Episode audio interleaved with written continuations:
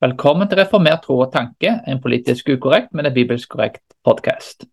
I dag skal vi fortsette med dåpen, og vi skal se på skriftstedene Matteus 18 og Matteus 9, der Jesus snakker om de små barna og at de skal komme til han. Vi skal se hva dette da betyr da, i lys av barnedåp. Først vil jeg bare begynne med å lese de to tekstene. Begynner med Matteus 18, vers 1-6. Der står det I samme stund kom disiplene til Jesus og sa hvem er den største i himmelens rike? Han kalte da et lite barn til seg og stilte det midt iblant dem og sa, Sannelig sier jeg dere, uten at dere omvender dere og blir som barn, kommer dere slett ikke inn i himmelens rike. Den som gjør seg liten som dette barnet, han er den største i himmelens rike. Den som tar imot et slikt lite barn for mitt navns skyld, tar imot meg. Men den som forfører en av disse små som tror på meg, for ham var det bedre om en kvernstein ble hengt om halsen på ham, og han ble senket i havets dyp. Matteus 9, 13-15. Der står det Så bar de små barn til ham for at han skulle legge hendene på dem og be, men disiplene truet dem. De sa, altså, da sa Jesus, la de små barn være og hindre dem ikke å komme til meg, for himmelens rike hører oss like til. Og han la hendene på dem, og de dro bort derfra. Jesus velsigner barnet, da, og han døyper de ikke. Det er jo ofte det som blir sagt av baptister, som argumenterer for voksendåp eller troende dåp. Nå skal det sies at dåpen ikke blir etablert før Matteus 28, 18-20 av Jesus med misjonsbefalingen. Dåpen til Johannes er jo en annen dåp, og når disiplene døyper da før misjonsbefalingen, så døyper de i større grad for å forberede Israels folk til å omvende seg fra syndene og motta Messias. Så Misjonen til hedningene begynner jo egentlig ikke da før etter misjonsbefalingen på gjerninger. Dåpen til hedningene så kommer da senere. At Jesus ikke døyper barn her i denne teksten, da, leser tekstene, er jo ikke et argument nødvendigvis mot barnedåp. Eh, at Jesus eh, Eh, gjør visse ting eller ikke gjør visse ting. Altså, det ekskluderer jo ikke nødvendigvis andre ting automatisk. Eh, det at Jesus spiser visse matvarer, betyr jo ikke at han ikke kan spise andre ting enn han spiste. Eh, et, et, poeng her er det at Jesus velsigna barnet. Og dette da mener noen da ekskluderer barnedåp. Og svaret på det er jo da at det blir nesten som å si da at om jeg velsigner et barn på en gudstjeneste. Uh, og det kan jo være at jeg, at jeg gjør en gang. Det gjør jo da automatisk at jeg er imot barnedåp. Hvis jeg legger hendene og sier okay, jeg har lyst til å be for disse ungene, så betyr ikke det automatisk at jeg er imot barnedåp. Faktisk er det det motsatte det betyr. Jeg er faktisk for barnedåp, samtidig som jeg ønsker da å be for unger og velsigne unger. En kan altså velsigne barn og i tillegg da være for barnedåp. En annen ting å si er det at Jesus kom som en jøde ut ifra en jødisk kontekst. Eh, han kom altså ut ifra denne sammenhengen, og han tenkte da på en jødisk måte.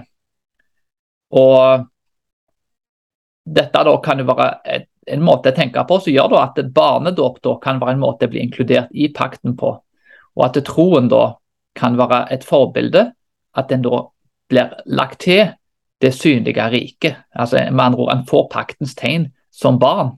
Dette var jo en, en, en, jødisk forståelse av at barn faktisk tilhørte pakten. At Jesus da skulle gå imot sin egen kultur og mot de jødiske forutsetningene, og ikke da gi paktens tegn til, eh, til, til, til de troende i den nye pakt, er svært usannsynlig. Uh, I Det gamle testamentet så vet vi at guttebarn fikk omskjærelsens tegn, for de tilhørte Israel, Guds rike. I Det nye testamentet så er alle de som strever sammen med Gud, med Jesus, som er Gud, da, de bør være paktens tegn. Og Det er ikke noen indikasjoner her på at dette har forandret seg, og at jøden Jesus da skulle tenke veldig individualistisk, noe som ikke var tilfellet i en veldig kollektiv kultur.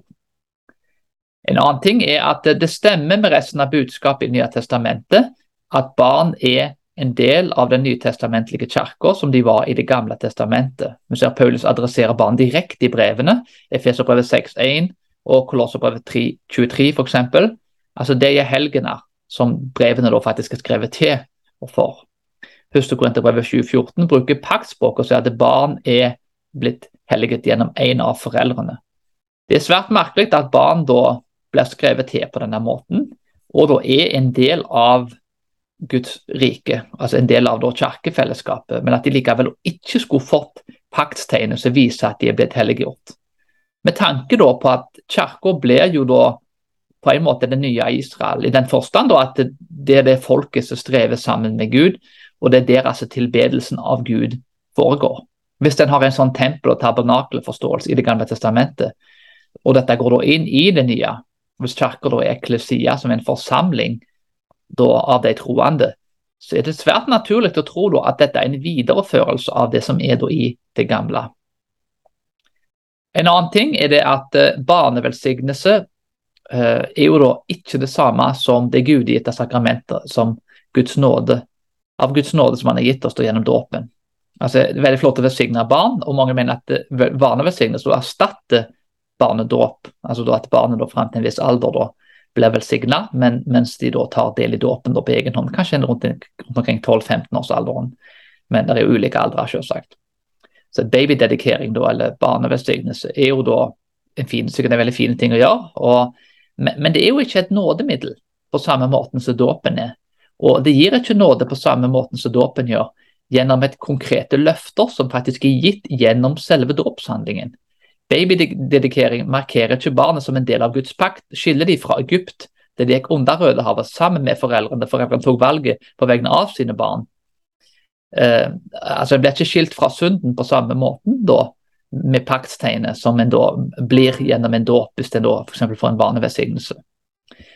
Det er noe med dette å bli skilt ut fra verden og gi dem medlemskap i kirka. Husker jeg kirka faktisk hadde en inngang der de faktisk, når de gikk inn, inn i kirka, så gikk de faktisk inn under en sånn tunnel der de faktisk med, med sånn altså design da, der de hadde lagd et hav.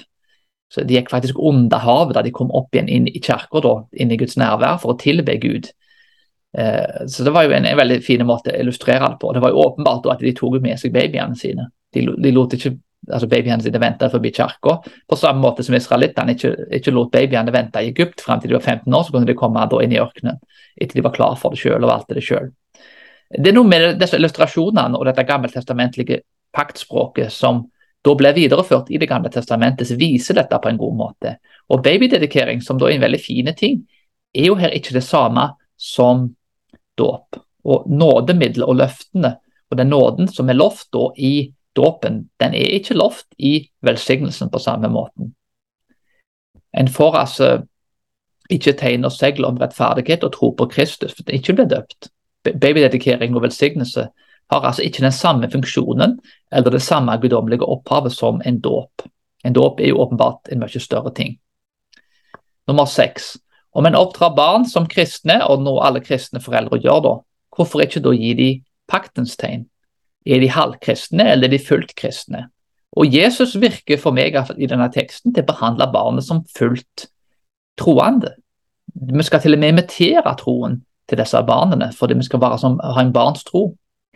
Og Med tanke på at han, han både mottok de, og at han mente at de faktisk tilhørte Guds rike, så da er det jo heller ikke noe konkret i veien for at en da skulle få beviset for at de faktisk tilhørte Guds rike. Jeg var født inn i det norske riket, og jeg fikk et pass. Og jeg har i en voksen alder valgt å identifisere meg med det jeg fikk. Det ville vært svært merkelig å vente at jeg var 15 år til jeg hadde valgt å bli norsk og identifisere meg som norsk, før jeg da faktisk fikk passet mitt. Beviset på at jeg var norsk fikk jeg ganske korte tid da, etter jeg ble født. Av disse tingene da, så mener jeg at uh, denne teksten faktisk i større grad argumenterer for barnedåp heller enn voksendåp. Det var alt for i dag. Vi snakkes snart igjen.